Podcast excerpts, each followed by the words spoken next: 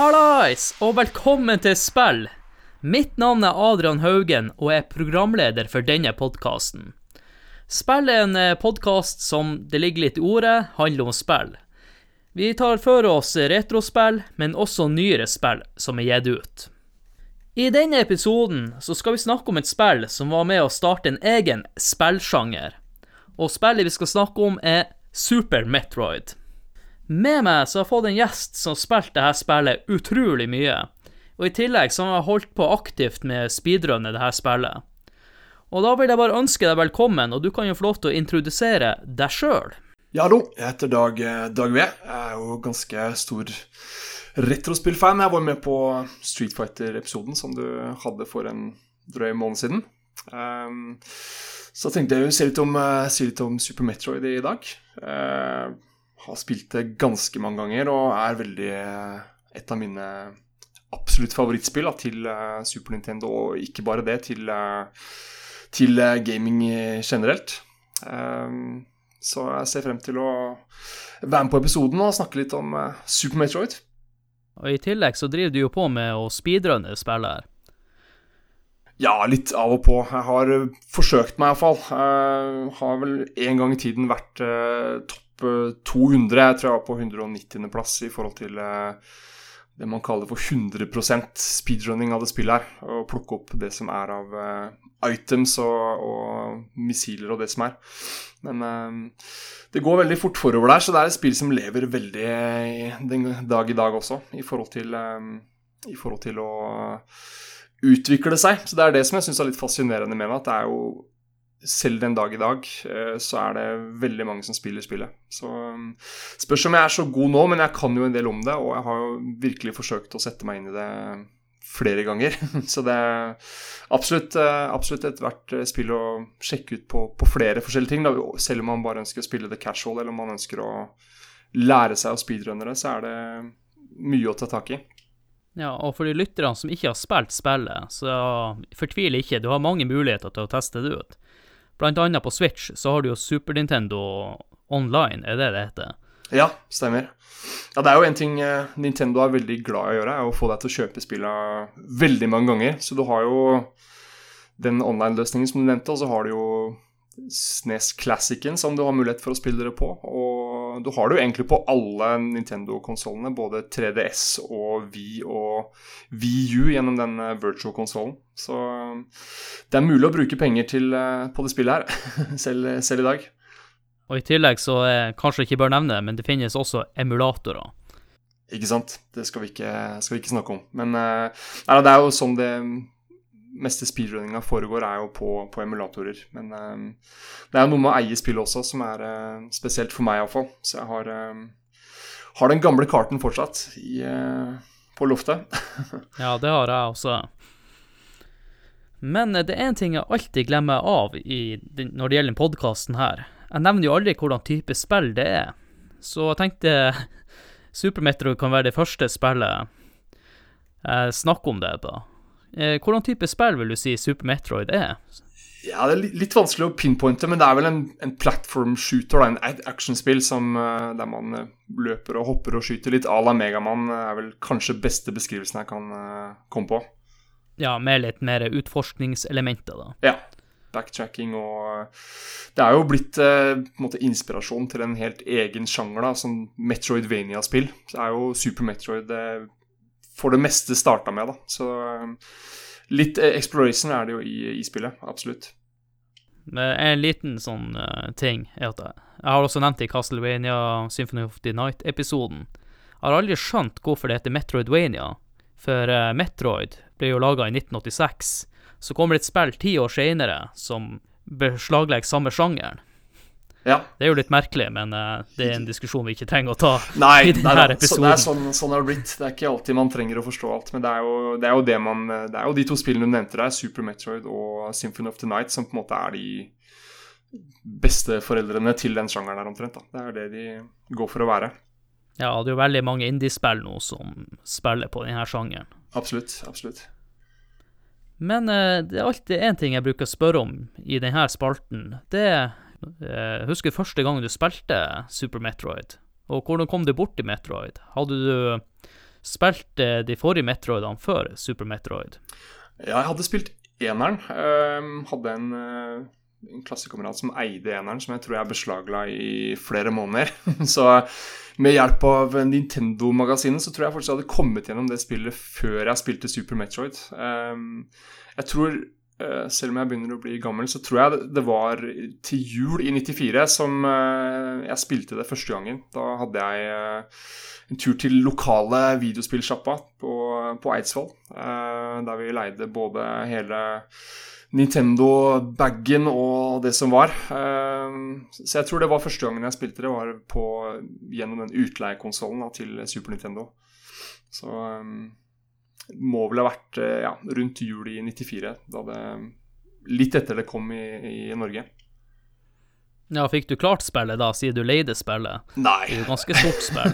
Når, ja. når, man ikke vet alle hemmelighetene, så bruker man jo tid på det. Absolutt. Det er jo veldig Det tar jo litt tid å bli god i det spillet her, og det er jo veldig mye å utforske. Så jeg, jeg tror ikke jeg kom så veldig langt de første gangene. Det var jeg og fetteren min som spilte det, og det var eh, Jeg tror vel ikke vi kom kanskje en, eh, mer enn 20-30% inn i spillet hvis du skulle satt et nummer på det. Men eh, jeg har spilt det mange ganger senere, og, og det, var, det, er noe spesielt med spillet. Det skjønte jeg til og med første gangen jeg spilte det. Men uh, jeg kom ikke så veldig langt, da. Det, det gjorde jeg ikke. For min del så hadde ikke jeg hørt om Metroid før. Eneste gang jeg tror jeg så Samus Aran, var i den der uh, Captain N-tegnefilmen. Men siden, uh, siden, jeg så den på RTL, så prata jo de tysk, så jeg skjønte jo ingenting ut av det. den karakteren, den ga mer mening når jeg så det her spillet for første gang. Det var en kompis eh, som jeg gikk på, i klasse med på barneskolen. Han hadde fått det her hos foreldrene sine, og merkelig nok ikke på bursdagen sin. Eh, vi spilte veldig mye, men jeg syns spillet var litt rart, for jeg hadde ikke vært borti sånn her type spill før. Og i tillegg så syns jeg det var litt skummelt i starten. For i hvert fall den startsekvensen er jo uh, veldig sånn horroraktig. Syns i hvert fall på den tida, men da var jeg bare en ni-ti år. Ja. Jeg husker jeg tenkte det samme. Det var eh, Jeg tror jeg tenkte på den tiden at det var veldig likt sånn type eh, Alien, eller det var Alien 2 som hadde kommet på eh, VHS. da. Jeg husker jeg tenkte at det var veldig skummel stemning i, i starten her. introen er jo en kapittel i seg sjøl. Det setter jo veldig stemninga for, for, resten av spillet. da. Det, det gjør det. Det er en liten ting jeg glemte å nevne. Jeg husker også den eska til Super Metroid. Den var mye større enn de vanlige Super Nintendo-spillene. Så jeg lurer egentlig på hvorfor den eska mye større. Nei, det vet jeg ikke. Jeg husker eska selv også. Jeg husker veldig artworken og sånn. Eh, jeg kan ikke huske at den var sånn veldig, veldig mye større, for å være ærlig. Men det, var, det er jo et av de eh, absolutt klassiske spillene som Nintendo brukte litt eh, penger på å markedsføre også, så det kan godt være at den var en spesiell eske på det. Men jeg, jeg, jeg vet ikke hvorfor, altså. Det er Min eske har blitt i fillebiter for lenge siden. jeg har kun karten igjen. Ja, hvis noen av dere lyttere har svar på det her, så gjerne kommenter i eh, kommentarfeltet når jeg legger ut episoden på Spells i Facebook-side.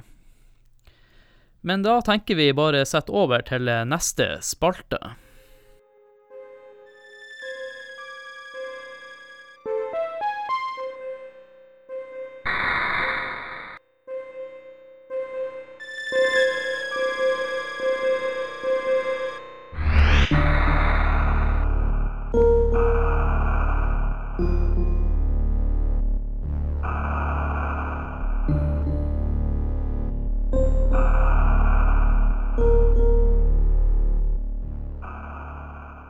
Jeg tenkte jeg skulle ta en liten gjennomgang om utviklinga til Super Metroid, og da må vi tilbake til 1991.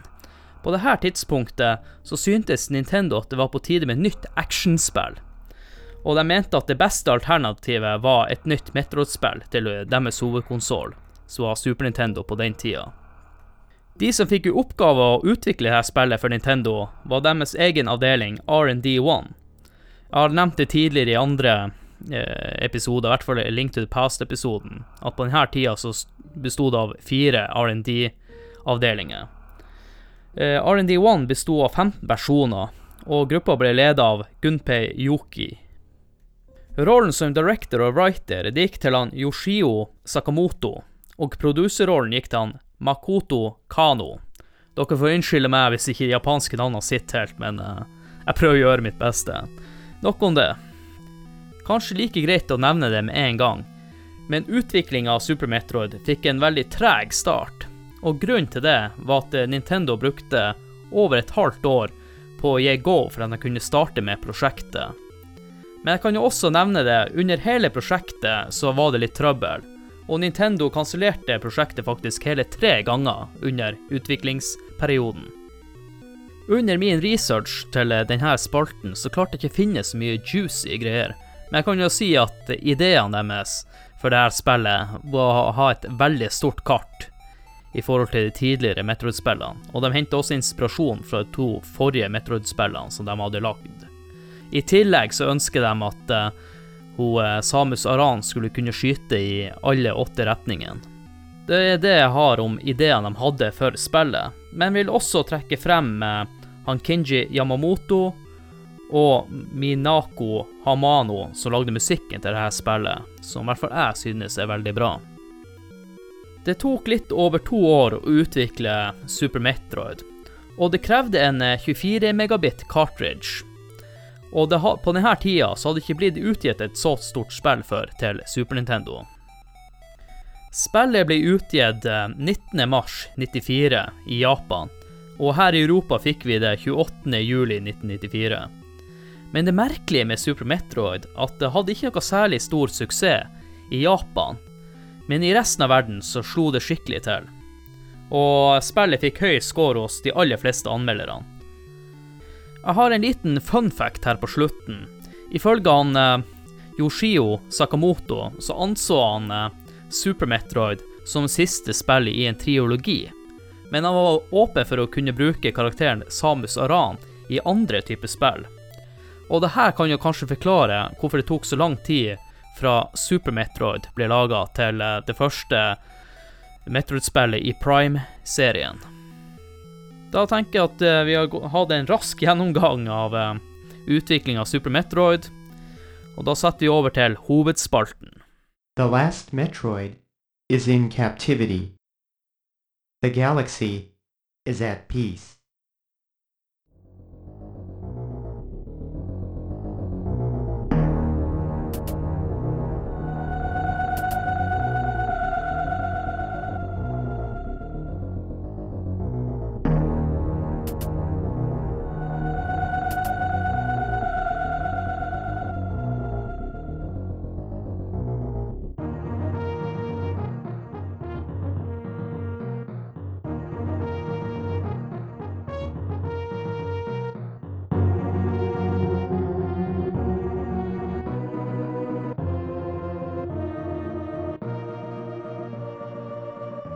Da, Dagve, da er det på tide å snakke litt om eh, spillet.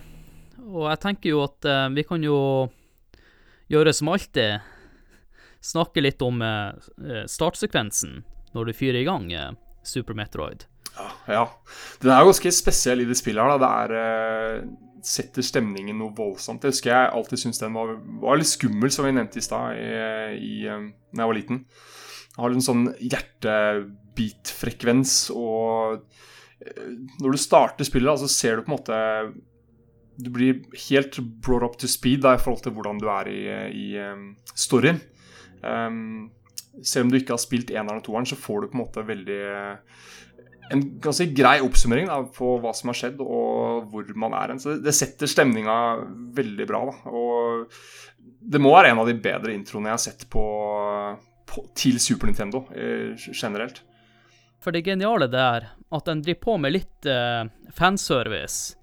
Og for de som ikke har spilt spillet før, så trenger ikke det å bety noe som helst, de sekvensene der. For det, det som er, den sekvensen er en slags debrifing.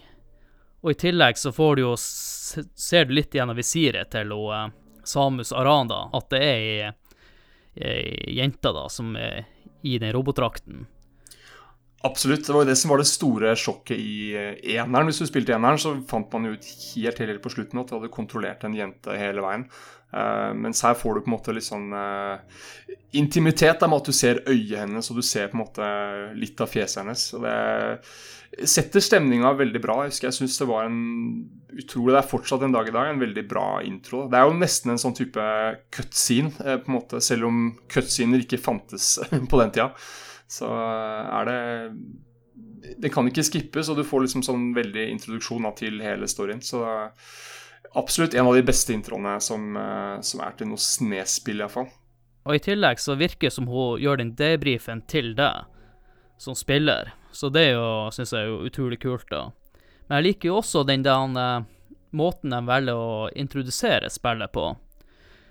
Ja, nei, det er jo en, en det, det, launcher jo spillet veldig det, det, setter jo på en måte tempo på spillet med en gang. Og du blir jo kasta rett i, i, action der. Uh, blir jo på en måte introdusert til hva, hva som har skjedd i, i toeren. Og, og, du blir på en måte kasta rett inn i Space Station Series da med full action med Ridley og, og Baby Metroid og alt som er der. Det er en veldig du får liksom lyst til å spille spillere når du ser introen, og det, det er jo det den skal gjøre. så det, ja. Det kule i startscenen, du, før du starter spillet, så ser du jo at det er en Metroid i midten, i en beholder, da, og noe sånn vitenskapsfolk. Men når du kommer dit i Space Station, så er vitenskapsfolkene døde, da. Og så starter jo den der uh, lille fighten med en drageliggende skikkelse som er Ridley. Men det jeg har hørt om denne startsekvensen Når du slåss mot han Ridley, så påvirker det litt spillet. For hvordan du gjør det mot han Ridley, det har noe å si senere i spillet òg. Ja, det er jeg faktisk ikke kjent med sjøl. Altså. Jeg vet jo det er jo en av de kampene du ikke kan vinne. Eh, du får liksom en sånn håpløs følelse med at du prøver å redde Baby Metroid, da, som du på en måte redda i uh, toeren. Uh, men så kan man ikke vinne den der. Da. Så det, det, er jo en sånn intro-sekvens intro, der du lærer å spille spillet, og hvordan Samus kontrolleres osv. Uh, eh, men uh, du, ja, det er vel to måter du kan på en måte enten ta nok damage at du uh, har så lite liv at du blir sendt videre. Eller så kan du faktisk skade Ridley såpass mye så han også bare flyr vekk. Da. Eh, men at det, er noe som skjer senere i spillet, det er jeg faktisk ikke kjent eh, med. Eh, du vet kanskje hva det er du? Nei, jeg er litt usikker. Jeg kom bare på det akkurat nå. Men det, det som er litt stilig med sekvensen, de lærer, lærer deg som spiller mekanismene til spillet, uten at du føler at det her er en sånn der, uh, introduksjon, da. Det er jeg helt enig med. Lærer deg å spille spillet, og samtidig har du på en måte en uh, god story og veldig bra action i starten. Du har en, til og med en uh, self-destruct-sekvens rett i starten av spillet. Det er det ikke alltid du har. Så det, det, er veldig hektisk, og du får liksom lyst til å spille videre med, med en gang. Så uh, Men det er også kult når du du må jo flykte fra den romstasjonen, men så må du jo tilbake til en planet du har vært på tidligere. Stemmer. ikke det ja, heter. ja, CBS eller Cibus eller uh, mm. Du får jo litt, litt, story da, i det spillet her, i motsetning til de andre spillene. Så uh, måten de på en måte lander på CBS der, er jo veldig Veldig kult. Uh, det regner, og du har på en måte ordentlig sånn stemningsfull musikk. Da. Så det, introen er noe av det mer riktige da. jeg har sett i noe spill, sånn uavhengig av sjanger. Men uh, det som også er litt kult uh, med uh, den sekvensen, er at når du lander på planeten På den tida så var det jo normalt å gå til høyre, mens her vil de egentlig på en måte du skal gå til høyre. Og så finner du ut at her er en, en plass jeg ennå ikke kan komme til. Her møter jeg bare vegg, så jeg må gå motsatt vei. Så de viser jo spilleren på en måte at her må du tenke litt annerledes. Ja, det gjør det ganske mange steder i spillet. Du tror liksom én ting, at du Alle spill går jo til høyre i starten, ikke sant. Og her må du bare ta en hard left for å komme, komme videre. Eh, du kan jo prøve deg frem, og det er jo en stor del av spillet er jo utforsking og sånn, men har liksom, Du har forventninger til hvordan spillet skal spille, og veldig mange ganger da, så på en måte gjør de det motsatte av det du forventer. Det, det skjer på en måte i starten av spillet, og det skjer også veldig mange ganger i løpet av uh, første delen av spillet. da. Det, det, eh, det, geniale de gjør, er også i starten De lar deg få følelsen av at du oppdager verden sjøl. Men i realiteten så har jo de eh, lagd en liten path for det, så de eh, veileder litt i starten på spillet for at du skal kunne finne Morphball, f.eks., den oppgraderinga der. Ja. Og, de viser jo også, før du kommer til den, her er, her er mange innganger, men du kan dessverre ikke komme deg hit ennå. Men du har mulighet der litt, kanskje litt senere i spillet når du får oppgraderinger. Så de, de teaser eh, plasser du kan gå, men som du ennå ikke kan gå til. Det husker jeg var noe av det jeg likte mest med spillet. At du, du så liksom hvor du kunne gå hen. Du så på en måte bossdører, og du så på en måte steder du visste du en eller annen gang i spillet kunne komme til. da, Men uh, du, du, får liksom som du sier da, du får følelsen at du kan gå veldig mange steder, men i realiteten så kan du egentlig bare gå rett til de tingene du, de vil at du skal gjøre da, i starten. da. Så det første du finner, er jo den, uh, morph-ballen som er uh, på en måte kilden til alle de der Metroid crawl-memes-greiene som man, man kan se. Men det er en veldig viktig ting som ikke var med i de to tidligere Metroid-spillene, og som er et veldig viktig element i Super Metroid. Det er kartet de valgte å implementere.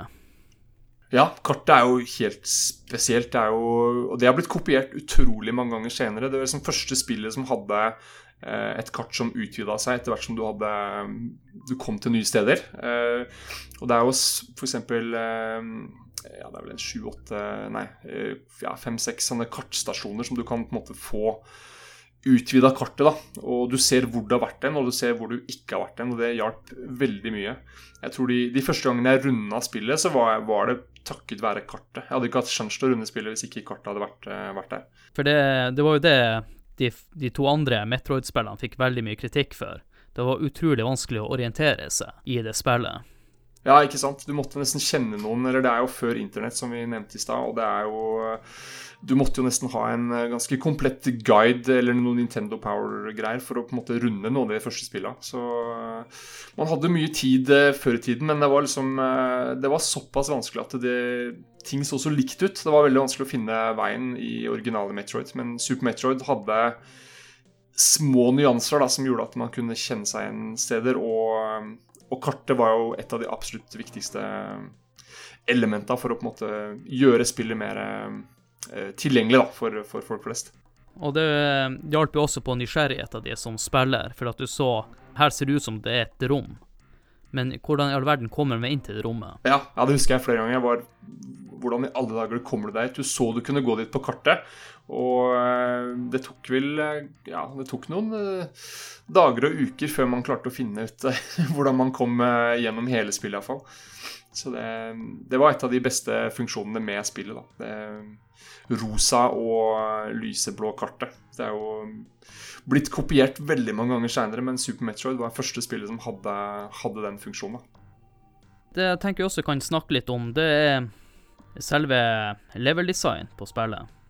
Det er jo kanskje der spillet skinner aller mest, da, eh, mener mange. Eh, du har liksom sånn Det spillet er et av de første spillene som på en måte tar eh, i bruk backtracking på en skikkelig god måte. Det er jo det de kjennetegner den Metroidvania-sjangeren. At du på en måte får en ny egenskap, da, og så kan du backtracke til et sted som uh, du har vært før.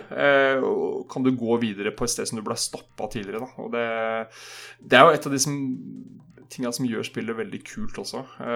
Du har liksom ikke nødvendigvis i umiddelbar nærhet på der du er, da, men du kan f.eks. få en high jump som gjør at du kan hoppe et umulig hopp da, senere.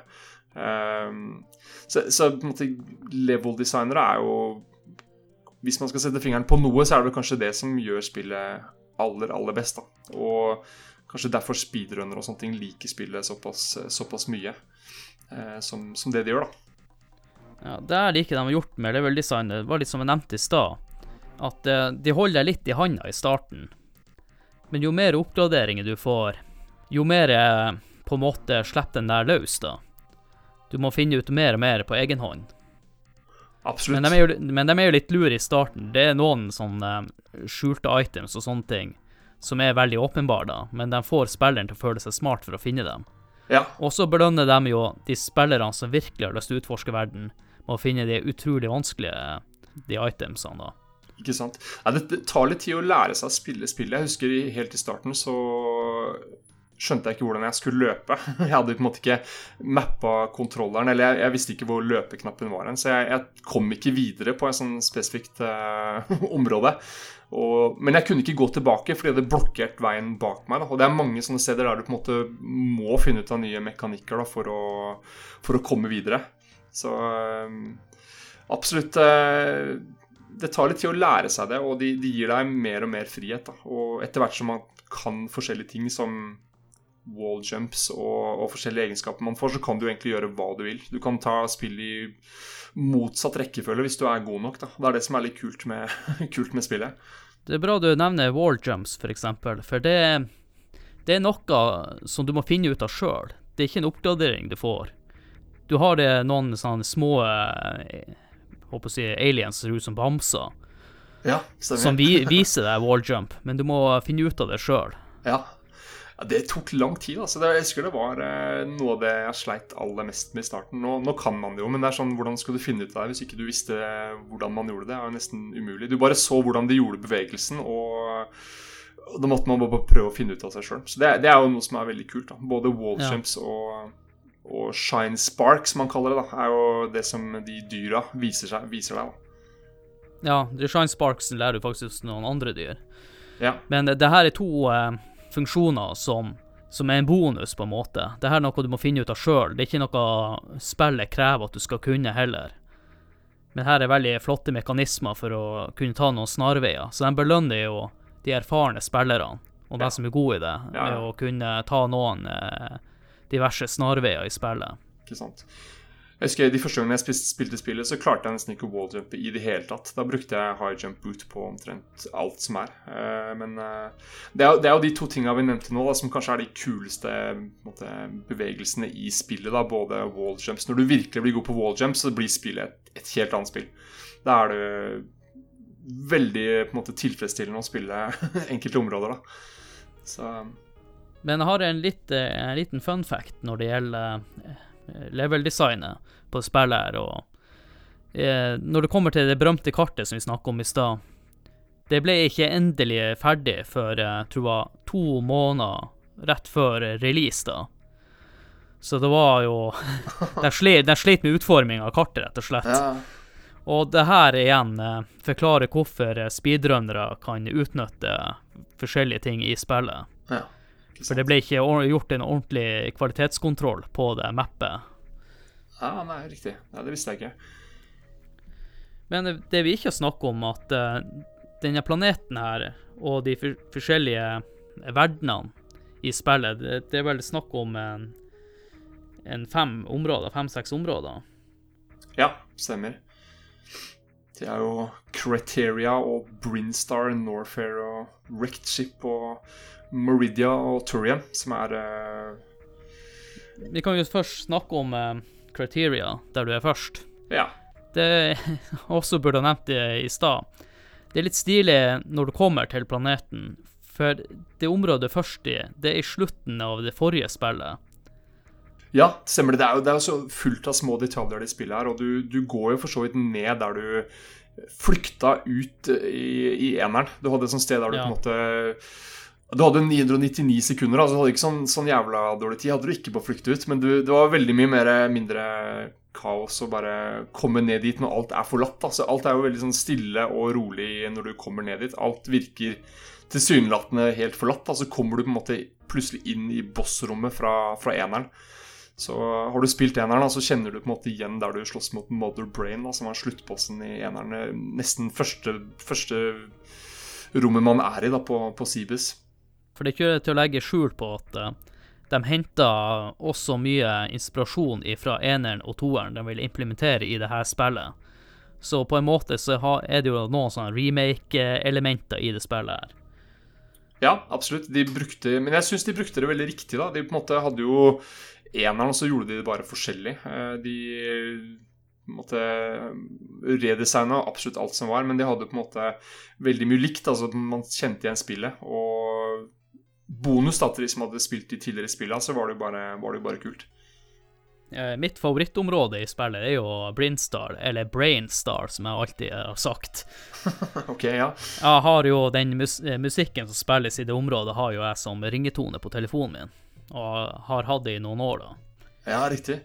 Jeg tror jeg har hatt The Lower Norther en gang i tiden. På, på det, det, er min favoritt. da. Soundtrack her er jo helt utrolig. Jeg kan jo si det at Brinstar er en slags eh, jungeltheme. I området er det sånn jungelområde. Stemmer. Det er jo du kan jo få lov til å snakke litt om Norfair, da. Ja, Norfair er jo på en måte et sted der du på en måte må ha den uh, Iallfall den Varia-suiten. Mest sannsynligvis bør du ha måte både Varia-suit og Gravity-suit, så du kan bevege deg rundt der.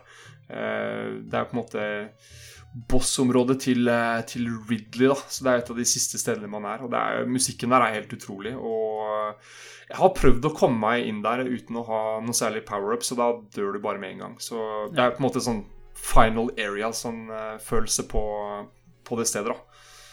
Og musikken er brukt i alle, i alle Metroid-spilla, så det er jo et av de tingene de har brukt mest, da, som liksom kjennetegner Metroid. Og så har du jo også et område som heter Wrecked Ship, som er håper jeg, et gammelt styrta romskip, da.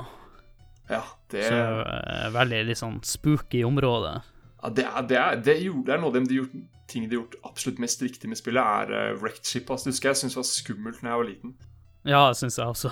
Og det, Du kommer inn der, og alt er bare Lyset er skrudd av, og alt er uh, Det er sånn It's quiet, but it's too quiet. og, så, og, så, plutselig så skrur man på strømmen, og da er det jo det er jo fullt full kaos, og bossen der er jo helt ikonisk. De lydene og sånne ting de lager på bossen der, det Jeg vet ikke helt hvor de er fra, men det virker. Jeg har en fun fact på den nå. Ja. Mye av lydene der er henta fra gamle sånne Godzilla-filmer. ja, riktig. Ja. Ja, nei, det forundrer meg ikke. De er sånn, skikkelig sånn dyrelyder da, når du skyter bossen, og den også en sånn ting der du tror du har det sterkeste våpenet, og så straffer den deg bare enda hardere når du bruker det. da. Så du må liksom finne riktig våpen å bruke mot, mot bossen. da. Så Det er et av de stedene jeg har dødd aller mest i spillet. Et av de farligste stedene.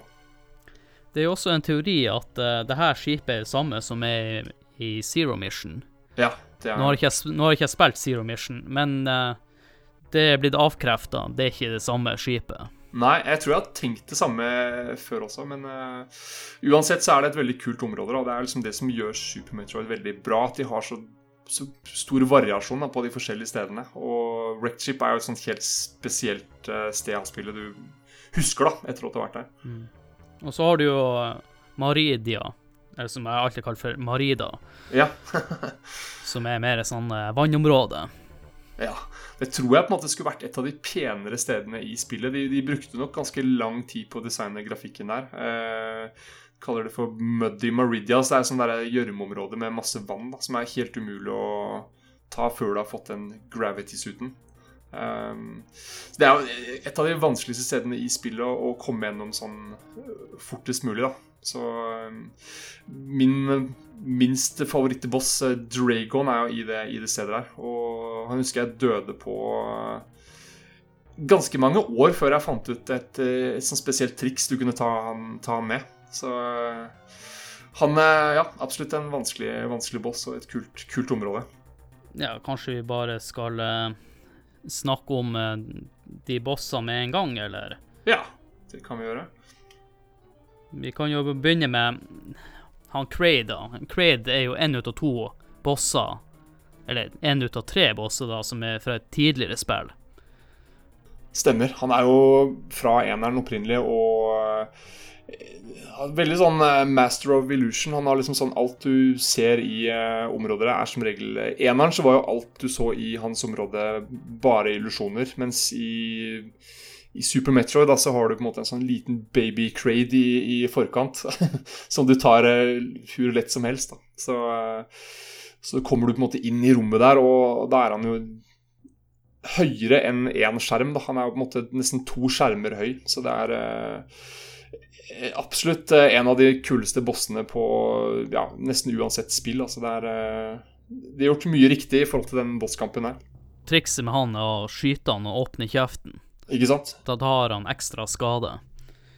Stemmer. Det er jo masse sånn triks for å ta han kjapt og sånn. Det er jo stort sett å skyte han i kjeften og få han til å shut the fuck up i forhold til, i forhold til det.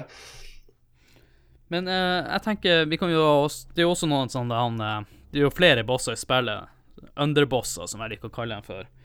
Vi kan jo bare gå raskt igjennom dem, da. Du har han Bomp Bomb eh, Torizo. Han er en statue. Stemmer.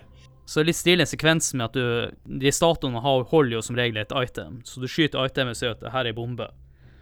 Ikke sant? Så du, så du går og tar den, men når du skal gå tilbake igjen, så stenges jo døra. Så kommer den der statuen til live. Ja, det er sånn spillet lærer deg liksom at å, eh, bombestatuene er på en måte trygge. Eller de statuene med items Ja. på er jo trygge, og så plutselig så bare smeller de rett i fjeset på at det ikke er trygt allikevel. Da. Så det er mange sånne eksempler. Men det er jo første på minibossen i spillet, ja, som, eh, som du må slåss mot. Så jeg tror jeg har dødd på den også, første gangen jeg spilte, spilte spillet. Og så har du en annen sånn miniboss som heter Spore Spawn, som er en blomster. Men det kule med den den eh, musikken hos bossen der, den er veldig lik eh, musikken til et område i Resident Evil 1. Ja, stemmer. Så jeg vet ikke om Resident Evil 1 har bare stjålet soundtrack eller noe sånt. Det er utrolig lik. Ja, det er klart Super Metroid har jo påvirka andre spill i ganske stor grad, så at, de, at det er noe som er stjålet rett fra den, skulle ikke forundre meg, da. Men uh, husker Sp- Sporespawn som boss er jo en veldig sånn uh, creepy boss. Uh, du får liksom super missiles rett etterpå, da, og det var ting man gjerne skulle hatt i forkant av den bossen. Ja, og i tillegg så, så eh, blokkerer han veien videre. ja. Så du er nødt til å ta han på en måte.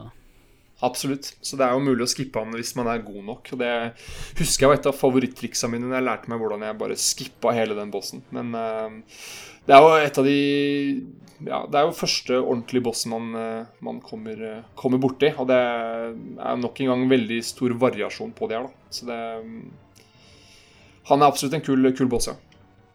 Eh, Jeg må bare nevne en liten ting. Den enkleste måten å skille de her bossene på, det er at i et rom så har du et slags tronerom eller noe ting. Og der vises eh, de fire hovedbossene. Ja, stemmer det. der vises jo han uh, Kraid, Ridley, Dragon og Fantoon. Ja.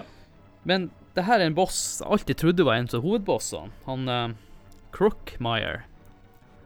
Det gjorde jeg også. Jeg, han er jo stor nok, Crocomire. Han er jo Ja. er jo en av de mest badass bossene i noe spill. Nok en gang Super Metroid. De på en måte eh, du, du slåss mot han, og han, nok en gang må du skyte han i kjeften, da. Men eh, du beseirer han på en måte Har du litt eh, power-ups på våpenet ditt, så beseirer du han sånn relativt greit. Men eh, han, han gir seg jo aldri, da. Så det er jo når du tror du har tatt han, så er det jo eh, den verste skrekkfilmen etterpå. i forhold til at Men han det morsomme med denne bossen her, det her er eneste bossen i spillet du ikke kan skade. Det du gjør når du skyter på han, så går han bare bakover. Helt til han detter i lava. Stemmer. Så det er en, eneste bossen i spillet du ikke kan drepe. Og siste bossen er Jeg kom på det var han Butt Butwoon, som Ja. er en slags slange. Stemmer. Han er alltid min bane. Han er overalt. Stikker hodet ut av forskjellige hull og Jeg klarte aldri å finne mønsteret på den før jeg virkelig, virkelig pugga. Så det er veldig stor variasjon på Ja. bossene. Jeg tror kanskje Hvis jeg ser på favorittbossen min her, så tror jeg det er Det er faktisk Crocomire med den scenen som kommer etter at du har slått han. Det er, tror jeg er den kuleste scenen eh, i min, min vurdering, da. Men uh, går tilbake til hovedbossene. Vi snakka litt om uh, I The Wrecked Ship så finner du han Fantoon. Ja. Det som er med de bossene her, alle har uh, sånn han, eh, Hvis du er god i spillet, så er det noen sånne småtriks du kan gjøre. Og på Fantoon så tror jeg du kan eh, Når han skyter ut de blå flammene, så kan du ta sånn salto, så blir du ikke truffet av det. Stemmer det.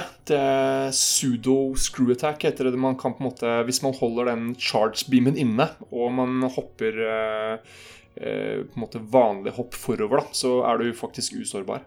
Så det er ting jeg ikke skjønte før eh, mange år etterpå. Men han han er jo en slags uh, spøkelsesblekksprut, ser han ut som. Ja, jeg syns det var en bra beskrivelse. Ja. Det, nei, det er på en måte en slags eh, øye, da. Det er jo mye sånne Ligner litt på en sånn Zelda-boss, egentlig, men den er, eh, er veldig scary, og de lydene er jo det mest creepy med hele bossen. Um, det er den jeg har dødd flest ganger på, tror jeg, i forhold til uh, å speedrunne spillet, da. Så tror jeg jeg har gått, gått meg fast der en del ganger på den bossen.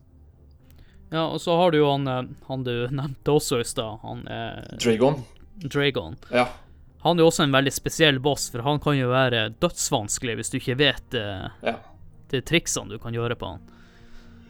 Han var vel den jeg døde absolutt mest på før jeg visste det ene trikset. Da ble han jo på en måte letteste bossen etter det, da. Så du har jo et item som heter grapple beam, som er en sånn derre uh, slags laserstråle som du kan uh, svinge deg i taket med, da. Og uh, så er det en sånn par turrets som skyter skyter på deg.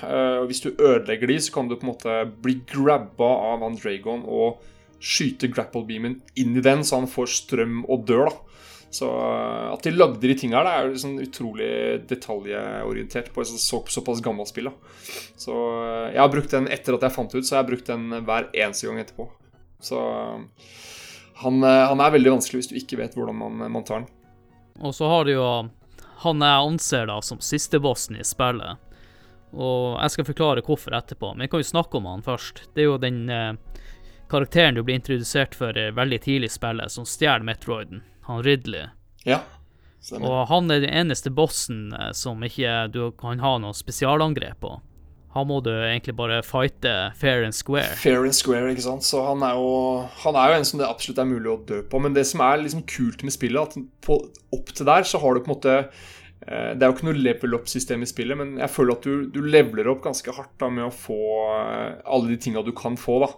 Ja, du, du leveler jo opp med at du får eh, bedre eh, ja, skyting, bedre rustning.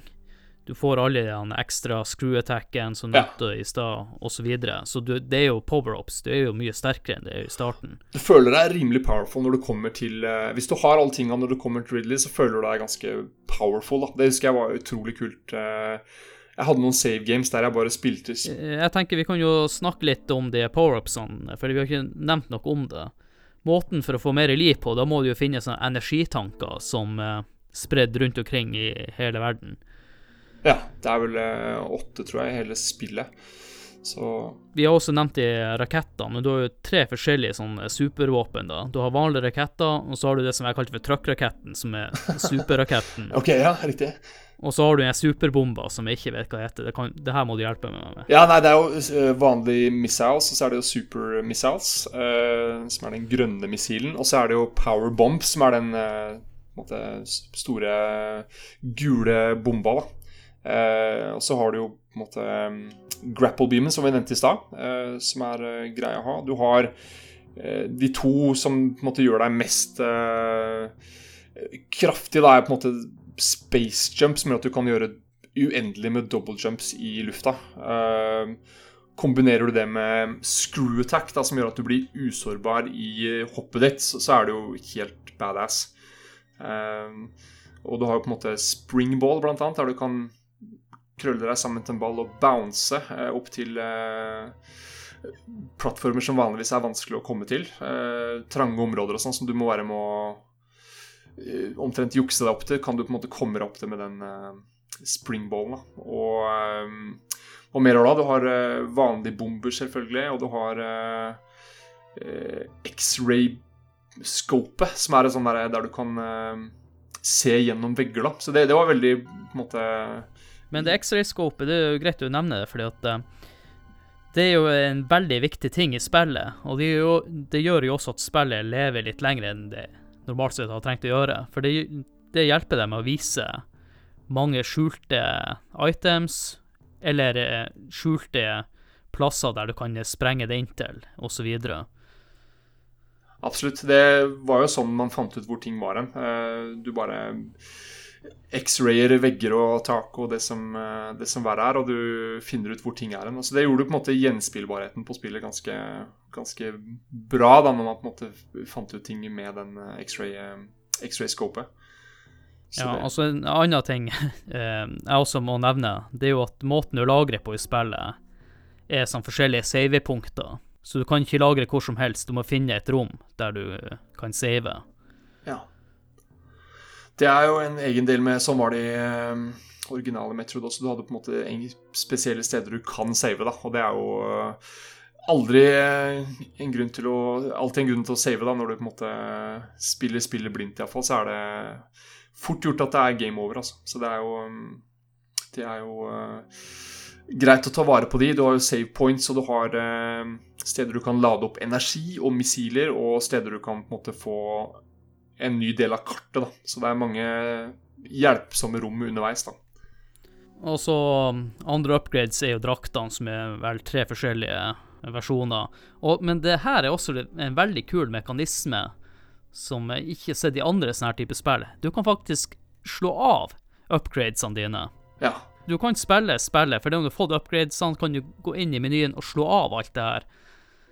Absolutt, og det er jo mange steder du faktisk lønner deg på å gjøre det, hvis du vet uh, hva du skal skru av. da. Det er jo noen steder du på en måte Du har jo den high jump-booten som gjør at du gjør hopper uh, veldig høyt. Uh, noen steder så er det på en måte en ikke en fordel, da, for du treffer taket og bouncer ned, eller treffer spikes i taket osv. Så, videre. så det var flere steder jeg husker jeg skrudde av high jump for å komme meg lettere gjennom ting. da. Så har du jo Ice Beam, som du hadde i første spill også. De hadde jo sånn ordentlig glitch som gjorde at Ice Beam var fantastisk dårlig i det første Metroidet. Du, det var sånn du, Når du skøyt noe, så måtte du fryse de, og så måtte de unfreeze for at du skulle på en måte kunne drepe en fiende i opprinnelig Metroid. Da. Så hvis du skulle drepe en fiende som f.eks. tok fire hits, så måtte du faktisk skyte åtte ganger med Ice Beam. Eh, mens eh, i Super Metroid så er det sånn at du kun fryser en fiende hvis, du, uh, hvis en fiende tar uh, f.eks. fem hits, da, så fryser du den kun på siste hiten.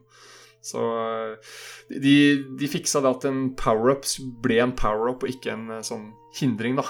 Så det, de har gjort liksom veldig mye riktig da med, med de power-upsene her. Eh, Du har jo mange forskjellige eh, måter å skyte på. Du har charge beam, og du har spacer, og du har eh, plasma beam, da, eh, som er veldig, eh, veldig powerful.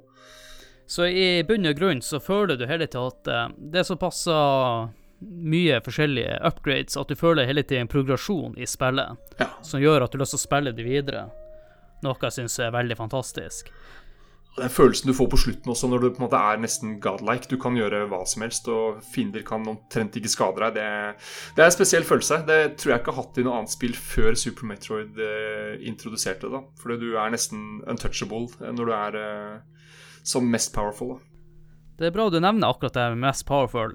Det er noe jeg tilbake til eh, han Ridley, da, som egentlig stoppa i stad. Men jeg tenkte det kunne være greit å snakke litt om power- power-upsene før man Ja. snakker om Ridley som boss. Så Han er en eh, veldig sånn ikonisk boss. Du ser noe i starten av spillet, og du ser ham på en måte på samme måte når du, når du kommer der. Og hele målet med å på en måte komme til Ridley er jo å redde baby Metroid. Og han er på en måte siste hindringa før du på en måte kommer inn til rommet som eh, du tror baby Metroid er på. da. Og Han er en vanskelig boss. Eh, Du kan velge liksom selv hvordan du ønsker å slåss med han. Du kan bruke powerbombs, du kan bruke charge beam, du kan uh, gjøre hva som helst. Så han er jo såpass vanskelig, så selv om du på en måte er fullt på en måte powered up, da, så har han eh, fair sjanse for, for å slå deg allikevel.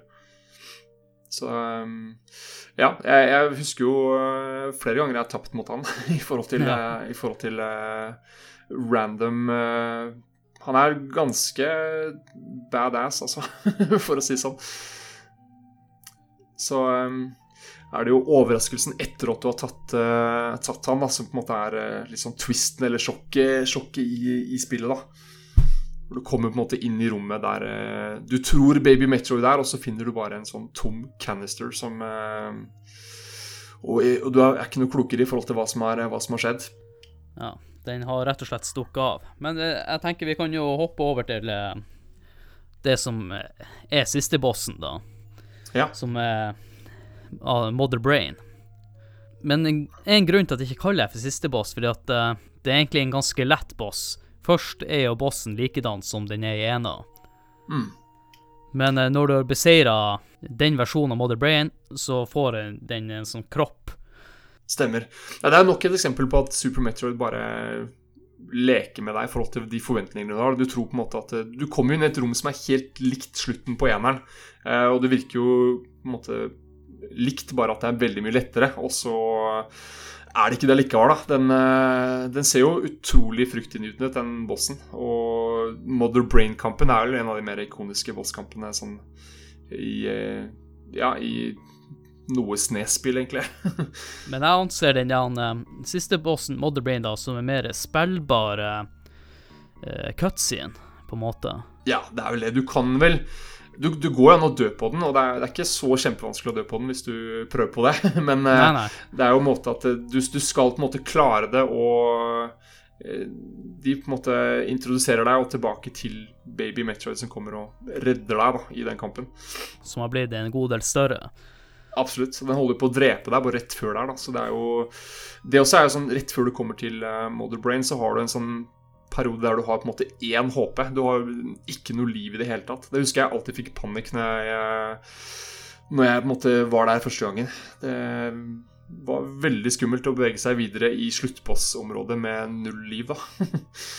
Men en annen ting jeg har lyst til å nevne med sluttbossområdet, det er kanskje er mest negativt til spillet at når du kommer i det Mother Brain-området, så har du ikke mulighet til å returnere til de andre plassene. Nei, det, da er det point of no return. Du kommer til den statuen du nevnte i stad. Da. da har du på en måte ja. bekreftelsen på at du har slått alle bossene, og så bare eksploderer statuen, og da er det too late når du kommer, eh, når du kommer dit. Så de gir ikke noe holdt på å si noe forvarsel på det. For det var jo sånn på, med Super Nintendoen, du får jo ikke vite en damn shit. Og det er jo egentlig ikke storyen i det spillet her som driver spillet, det er jo gameplayet. Absolutt. Det er det som gjør det så bra også. Så storyen er jo på en måte en sånn litt sånn sprinkel på toppen av kaka som gjør det veldig, veldig bra. Um, og det, jeg syns jo det er noe ting de har gjort veldig riktig da med Mother Brain-kampen. At de på en måte runder av spillet på en skikkelig bra måte. da. Uh, men selvfølgelig, det er jo gameplay som gjør at det, for min del at spillet skinner uh, som det gjør, da. Men uh, og når jeg først var i det, i det, negative hjørnet, så vil jeg også ta frem en annen ting som eh, eh folk må være oppmerksom på. Den eh, button layouten ja. ja, de har valgt til det spillet her, det makes no sense i forhold til alle andre ty typer spill på den tida. Vet du om det er mulighet til å bytte knapper i originalen?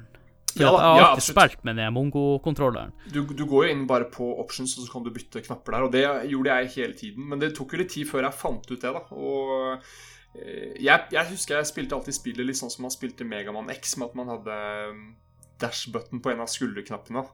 Uh, for jeg klarte ikke å ha tommelen på tre forskjellige knapper på ett sted. da. Så det, det er jo sånn default button-layouten er vel kanskje der du ser at spillet er noen år gammel, da. Fordi alle nyere spill har på en måte gjort akkurat den biten kanskje litt mer effektiv, da.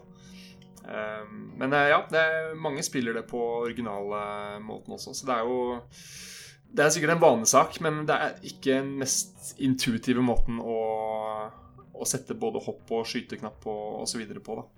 Nei, så vårt råd er hvis du ikke har spilt spillet før, så ordn det der med en gang. For ellers kommer du til å irritere deg grønt over det der.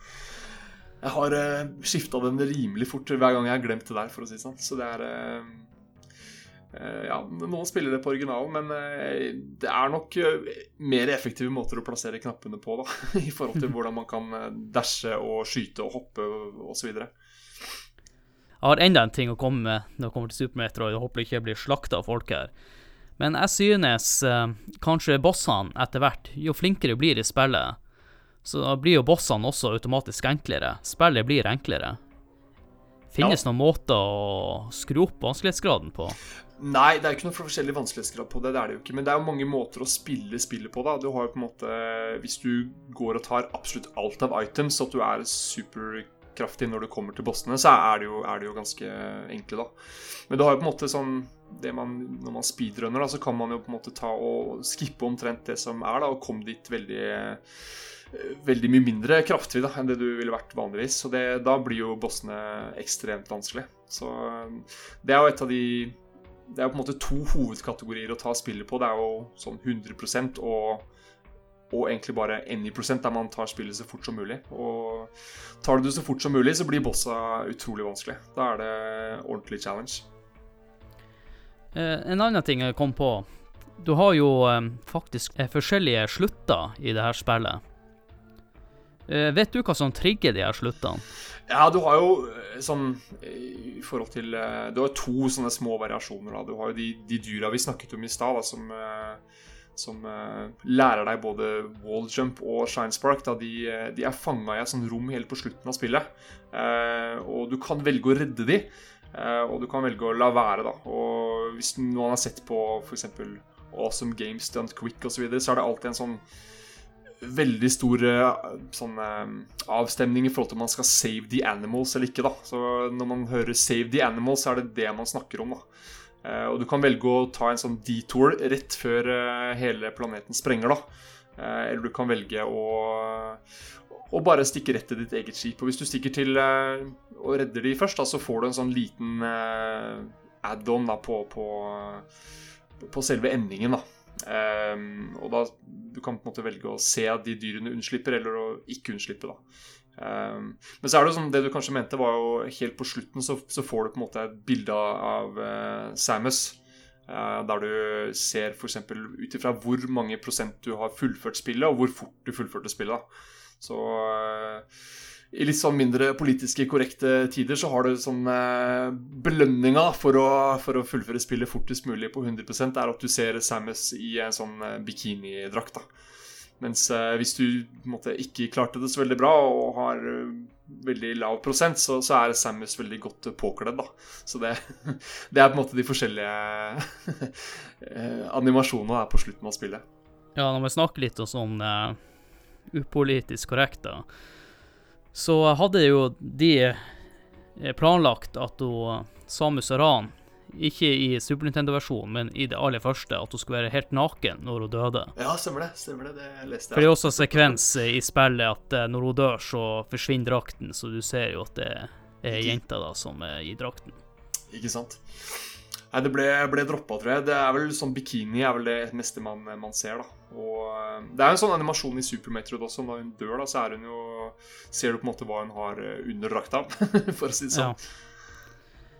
Men eh, jeg tenker vi kan jo avslutte denne her spalten med Vi kan jo snakke kjapt om speedrunning. Ja.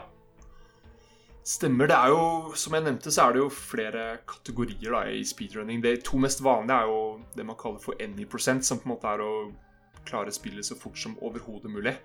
Eh, og så har du det som jeg har prøvd litt på, er jo 100% der man samler absolutt alt av raketter og missiler og, og eh, drakter og, og alle all, all, all items mulig, da. Og det er jo eh, gjør spillet litt, litt lettere, eh, og det blir ganske morsomt på slutten. Da, så eh, det er vel de to kategoriene som på en måte er de som lever fortsatt i dag. Og det syns jeg er veldig måte, spesielt med det spillet. her da. Du har masse masse folk som spiller det fortsatt en dag i dag. Eh, eh, veldig lenge etter release, da, for å si det sånn. Så eh, det er eh, absolutt verdt å sjekke ut. Det har til og med blitt satt en verdensrekord for ikke veldig lenge siden på både 90% og 100 da.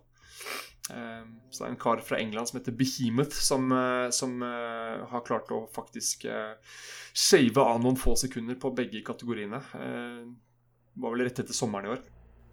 Men dere utn utnytter vel mange glitcher og sånne ting i spillet? Ja, det er jo jeg, Det er jo glitcher er jo én måte å si det på. Det er, en annen måte er jo sånne teknikker som kanskje ikke var uh, ment da, i forhold til uh, fra Nintendo sin side. Uh, det er jo ting som Det jeg syns er gøy med Super Metro, det er at det er ikke noen sånne glitcher der du på en måte glitcher gjennom vegger og breaker spillet så det ser helt deformert ut. Da. Det er på en måte ting som bare gjør at du gjør ting mer effektivt. da. Um, Walljumping og sånn er jo i spillet, men du har f.eks. noe som heter mockball, som er at du kan uh, ta ting uh, før du egentlig er ment om å gjøre det. De, de, kaller det for sequence breaking, at du på en måte tar sekvenser av spillet før det du er ment å ta, ta det. Um, så på en måte at man får uh, Som jeg nevnte i stad, så kan du jo skippe første egentlig bossen. Sporespawn kan du jo skippe ganske greit ved å skyte en supermissile uh, på et sted som uh, du bare må vite om. og du kan gjøre noe som heter mockball, som gjør at du ruller eh, raskere. Du ruller på, en måte på samme eh, fart som det du gjør når du eh, løper på full speed da, og kommer under noen sånne dører som faller ned. Så plukker man opp supermissiler før det du egentlig er meningen at du skal gjøre det. da. Så det som er kult med spillet, er at du, hvis du er god nok, så kan du egentlig gjøre det i akkurat hvilken rekkefølge du vil. da. Du kan jo ta boss-rekkefølgen Selv om det er veldig suicidal, så kan du faktisk ta boss-rekkefølgen i baklengs. og avslutte med siste, eller første bossen og begynne med Ridley, da, hvis du er absolutt god nok. Eh, Har du noen tips til noen som har lyst til å begynne å teste ut speedrunning? Det er jo å sjekke Det er jo både message forums og det er, eh, det er vel egentlig YouTube jeg ville ha begynt med da. Sett litt på hva de som er gode, gjør, og prøvd å kopiere det. Og så sett på tutorials-videos i forhold til eh, de tinga man må kunne, da. Du har annet eh, mockball, som jeg nevnte, og så har du jo eh, quick kill på Crade. Du kan drepe Crade før han i hele tatt eh, kommer ut eh, fra bånn av skjermen. da. Så eh, veldig mye kule ting, og det er det som er gøy med Super Metro. Dette er sånn, Det du gjør, det ser kult ut, og det er liksom gøy å kunne mestre. da. Så eh, tutorials på YouTube og sjekke eh, en, måte en 100% eller en 90% speedrun på en YouTube-video er vel egentlig beste måten å lære seg det på. Det, det er det. Mm. Skal vi eh, ta litt av sånn oppsummering? Jeg tenker bare å spørre hva du synes trekker opp spillet, og hva synes du spillet gjør bra? Ja, det er jo, det er jo på en måte for, for min del, altså det jeg husker sånn kanskje aller best, er jo musikken og stemningen i spillet. Så jeg skal peke på noe. Uh, Ja, for det, musikken har jo ikke snakka så særlig om, egentlig. Nei, nei Så det vi er kan jo jo prate litt om den. abs Absolutt. Det er jo veldig eh, sånn gjenkjennelige Du nevnte jo Brinstar og Lauren Norfair, og de vi nevnte i stad. Det er jo eh, ganske sånn ikoniske soundtracks, da. Og boss-musikken og sånt. Det, det setter stemningen veldig bra da, med, med lyden. da Og det, For min del så tror jeg det var det jeg levde meg mest inn i når jeg var liten og jeg spilte det. Men det som jeg syns er kult, er at de kjører en kombinasjon i enkelte områder. No, noen områder er det musikk i bakgrunnen, Mm. mens andre områder så bruker de også stillheter med bare noen sånne små lyder Mm. for å skape mystikk. bygger opp spenningen med å være helt stille. Det husker jeg Ja. flere steder i spillet som er eh, veldig, veldig bra lagt opp, da. Så syns jo mange av lydene er litt kule, for det er litt, de er litt sånn alien-ish feeling, da. Ja. Det er ikke til å stikke under stol at uh, de henter mye inspirasjon, som du nevnte i stad, fra alien-filmene. ja. Jeg husker jeg hadde sett uh, Aliens uh, ganske kort tid før jeg spilte Super Metro. Det, jeg følte det var en connection der også, i forhold til hva de, hva de prøvde å gå for. Eh, men ja, musikken er jo på en måte absolutt det som, eh, som for min del da, trekker mest, mest opp, tror jeg. Eh, Ja, for den eh, musikken hjelper jo på helheten. Når du har et godt soundtrack, i hvert fall i de der spillene, ikke så sant? hjelper det veldig på. Litt Jeg syns også de treffer med musikken i, de forskjellige verdenene òg. Sånn som Brinstar, så er det jo litt sånn Jungle Team-aktig med tanke på instrumentene, og i Merida, som aldri sier feil, så får de litt den der uh, havet-ocean-sounden, på en måte. Litt sånn som de sier at halvparten av millionene til uh, Steven Spielberg burde gått til uh, John Williams. Litt sånn, sånn er det på en måte i Metroid. da. Det, er, det gjør det på en måte bare bedre. Ja, hva du synes eh, håper å si, er det negative med spillet? Hva som trekker det ned? Hvis du, hvis du er ny da, og skal spille det for første gang, så er det jo i forhold til et mm, kanskje mer moderne spill, så er det jo litt å sette seg inn i. Det tar liksom litt tid før du finner ut hvordan du styrer spillet og osv. Og, og det kan jo virke litt sånn eh, måte demotiverende når man står fast da, og eh, ikke helt vet hvor man skal gå osv. Så, videre. så jeg husker jo de første gangene jeg spilte spillet, så var jeg og fomla rundt og jeg ble litt irritert på spillet fordi jeg ikke kom noe videre, da. Så det er vel kanskje det som kan være- mest demotiverende hvis man er, spiller det helt blindt da, om man spiller det for første gangen. Ja, for det var jo som sagt, eh, vi nevnte helt i starten at eh, det var, det var noen plasser man følte man sto helt i stille, og det drepte motivasjonen min, i hvert fall. Det er derfor det Mm. tok så mange år senere. For at det... Mm. Nei, husker jeg. Jeg hadde noen perioder der jeg ga opp fordi jeg ikke visste hvor jeg skulle osv. Og, så videre, og det, det var jo litt eh, Litt demotiverende. Og så gikk man feil sted, og så på en måte måtte man backtracke ganske heftig, da. Så eh, det er nok det som kanskje er vanskeligst for, for, for de som ikke har spilt spillet. Og hvis du skal spille det for første gang i dag, så er det vel kanskje det som er eh, du må gi det litt tid. da. Det, det krever litt tålmodighet fra, fra, deg som spiller, da, for å på en måte belønne deg tilbake. da. Og så har jo normalt sett et sånt kontrollspørsmål. Eh, da er det første spørsmålet mitt Vil du si at det her spillet fortsatt er et bra spill? Ja, det vil jeg gjøre absolutt i høyeste grad. Det er jo, I min bok da, så er det et av de Hvis ikke det beste spillet til, eh, til Super Nintendo. da. Det står liksom mellom det spillet her da, og, og Link to the Past. Um, så det er jo absolutt et spill som står seg veldig bra, og det vises jo med at det blir jo speedrunna, og uh, på en måte det er jo noe som heter randomizer, der man på en måte bare randomizer alle items i hele spillet, som på en måte er veldig veldig aktivt i den gang i dag, da. Eller allerede nå. Ja, det er fortsatt et aktivt miljø. Absolutt. på den måten. Ja, så det blir spilt uh, veldig mye selv uh, ekstremt mange år etterpå. Så det står tidens tann, da. Det gjør det. Og så er de jo såpass heldige at uh, grafikken har jo blitt ikonisk, da. Det lages jo nye spill som bruker 16-bit-grafikken. Ja. Eller det er ikke helt 16-bit de bruker, men og Og indiespill er jo også i tillegg eh, veldig fan av å bruke denne type artstyler. Ikke sant. Nei, det blir jo kopiert eh, og herma etter selv den dag i dag. Og det, det er jo måtte blitt veldig Veldig tidløst, da. Det er mye mer tidløst uh, måten Super Metroid ser ut på enn på en måte noen år senere, der du hadde de første generasjons 3D-spillene. Så neste spørsmål Jeg føler vi egentlig har svart på det, men vil du si at spillet her var viktig for uh, spillutvikling for spill som kom senere? Og det har vi allerede svart på, at uh, f.eks. Castlevania Symphony of the Night og ja. kopierte jo egentlig hele gameplayet, på en måte. Ikke sant. Nei, jeg vil jo si at Super Metroid er et av de absolutt viktigste i forhold til Når du ser på hva det har gjort da, og påvirka andre både spill og spillutviklere, så er det nok et av de som har hatt mest å si eh, på egentlig spillbransjen i mange år uh, etter at det kom, da. Ja, det var jo de som starta med backtracking-elementer, som er veldig mye brukt, også i moderne spill. Ja. Level design, kartet, backtracking og eh, på en måte items og menyer og sånne ting var det Super Metroid som, som starta med. da. Og til slutt, er dette et spill du vil anbefale andre å spille? Absolutt. Det hørtes rart hvis jeg sa nei nå, men det, det, er absolutt et spill som hvis du er inn i retrospill og ønsker å sjekke ut et av de absolutt beste spillene til Super Nintendo, så er jo Super Metroid et spill man bare må spille. Det, det er det. Og vi har jo en kompis, han, Håkon Puntervold. Han spilte jo for første gang for ikke så lenge siden. Og han blir jo helt hekta. Han har jo lyst til å prøve Metroid Fusion og ja. Met Metroid Zero Mission.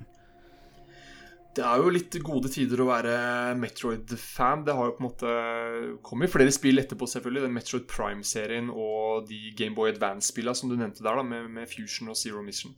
Uh, så er det jo det man venter på nå. Det er jo den Metroid Prime 4 som uh, Gud vet hvor langt det er fram i tid. Det har vi vel egentlig kun sett et firetall så langt. Ja. så det, vi får se hvor lang tid det tar. Det det er iallfall underveis, da. Det er jo det er nok for meg. Da vet jeg iallfall at det blir, eh, blir lagd.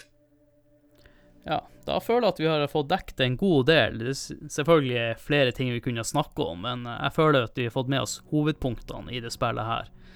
Vi har ikke lyst til å snakke i hjel hele spillet.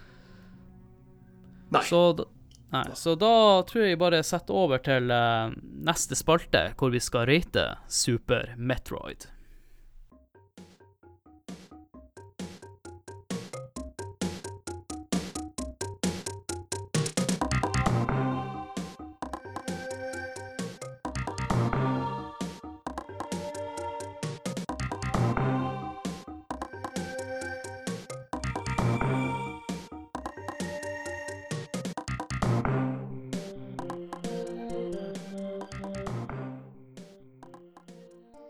Dag, da skal vi rate Super Metroid. Og måten vi gjør det på Vi bruker ratingsystemet til uh, Nintendo-magasinet. Eh, kriteriene vi bedømmer spillene ifra, det er grafikk, lyd, spillkontroll, underholdning og holdbarhet. Og skalaen vi går ifra, er 1 til 10. Og da, Dag, da starter vi bare på grafikk. Ja, um, det har jo skjedd litt siden det spillet her kom ut, men eh, jeg vil jo si ut ifra hvordan det var når det kom, og, og, hvordan det holdt seg, så må det jo være ganske høyt på den skalaen der. En, eh, ja, en, en nier eh, flott til grafikken. Det, de gjorde mye med grafikken som ikke var gjort så bra som dem før seg, da, med Mode 7 og alt sånne ting. Så jeg gir det en nier på grafikk, jeg, på, på der. Jeg har lyst til å gi det en tier der. Og så neste kategori er lyd. Ja, det, der er det en soleklar tier. Det Soundtracket og sound effects og alt som er på der, er jo helt banebrytende i forhold til hva som kom, kom før det. Så den, den, er en ganske klar tier for meg. Og der gir jeg ni. Det er jo noe streng på dem, da. for så vidt. Ja, nå har jeg jo sett litt uh, sånn uh, playthroughs og sånne ting. Det er kanskje noen ting som jeg tenker kunne vært bedre. Så han får ikke full score der. Nei, riktig. Riktig. Neste kategori er spillkontroll. Ja, jeg tenker jeg trekker fra noe der. Det er på en måte litt frustrerende når man er ny og spiller det, og så er det veldig belønnende når du på en måte er uh, mestrer alt sammen. Altså, det er ganske høyt der også. Jeg gir en nier på den. Uh, trekker ifra litt i forhold til uh, at man må inn og måtte stille kontrollene hver eneste gang. Iallfall hvis man vil ha det på en spesiell måte. Så jeg gir det en nier på spillkontroll. Jeg velger å gi en åtter på spillkontroll. Da er neste kategori som er underholdning. Ja, uh, nei, det er jo et av de beste spillene til Super Nintendo, uten tvil. Du må nok investere litt tid i det på en måte for å få belønninga tilbake, da. Men jeg, jeg gir det en, en nier på underholdning. Det er oh, jeg, jeg, tror du skulle gi det en tier, siden ja, du brukte så mye tid på det. Kanskje jeg er, jeg er, litt streng i dag. Nei, det er jo alltid noe å gå på, det er jo Men jeg, jeg gir det en nier i forhold til underholdning. Det er på en måte uh, ja, det, det, det, er et av de beste spillene. Så ut ifra sånn jeg ville vurdert, så, så er, det, er, det, tett opp til en tier. Da, en sterk nier, men uh, fortsatt en ni på underholdning. Ja, jeg vil også gi det en, en nier.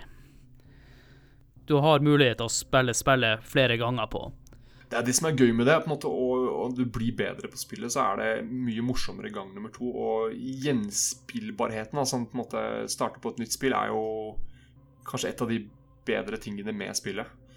Så eh, det er morsommere jo bedre du blir på spillet, og da, da er det gøy å spille det mange ganger også. Ja, spillet belønner deg for at du eh, blir bedre i spillet. Ja, absolutt. Og den siste kategorien er holdbarhet. Hvordan synes du spillet har eh, holdt seg? Ja, det har jo forandra seg litt, da, fordi man har funnet nye måter å spille spillet på. Eh, jeg, jeg, der vil jeg gi det en tier, faktisk. Fordi et av de spillene som Et av de retrospillene som har holdt seg best, da eh, Det jeg nevnte i stad med både speedrunning og randomizers og sånne ting, har jo på en måte gjort at spillet er like levende i dag som det var for mange år siden. Så noe av det morsomste jeg har gjort i senere år, er å spille den randomizeren i forhold til i forhold til der alle itemsene bare er helt vilkårlige steder. Da. Så jeg gir det en tier på, tier på holdbarhet. Uh, for min del så Det er akkurat den der med kontrolllayouten som jeg føler kan ødelegge for en spiller som aldri har spilt spillet før. Og fordi at han ikke vet at han kan gå inn i menyen og endre mm. på button-layouten.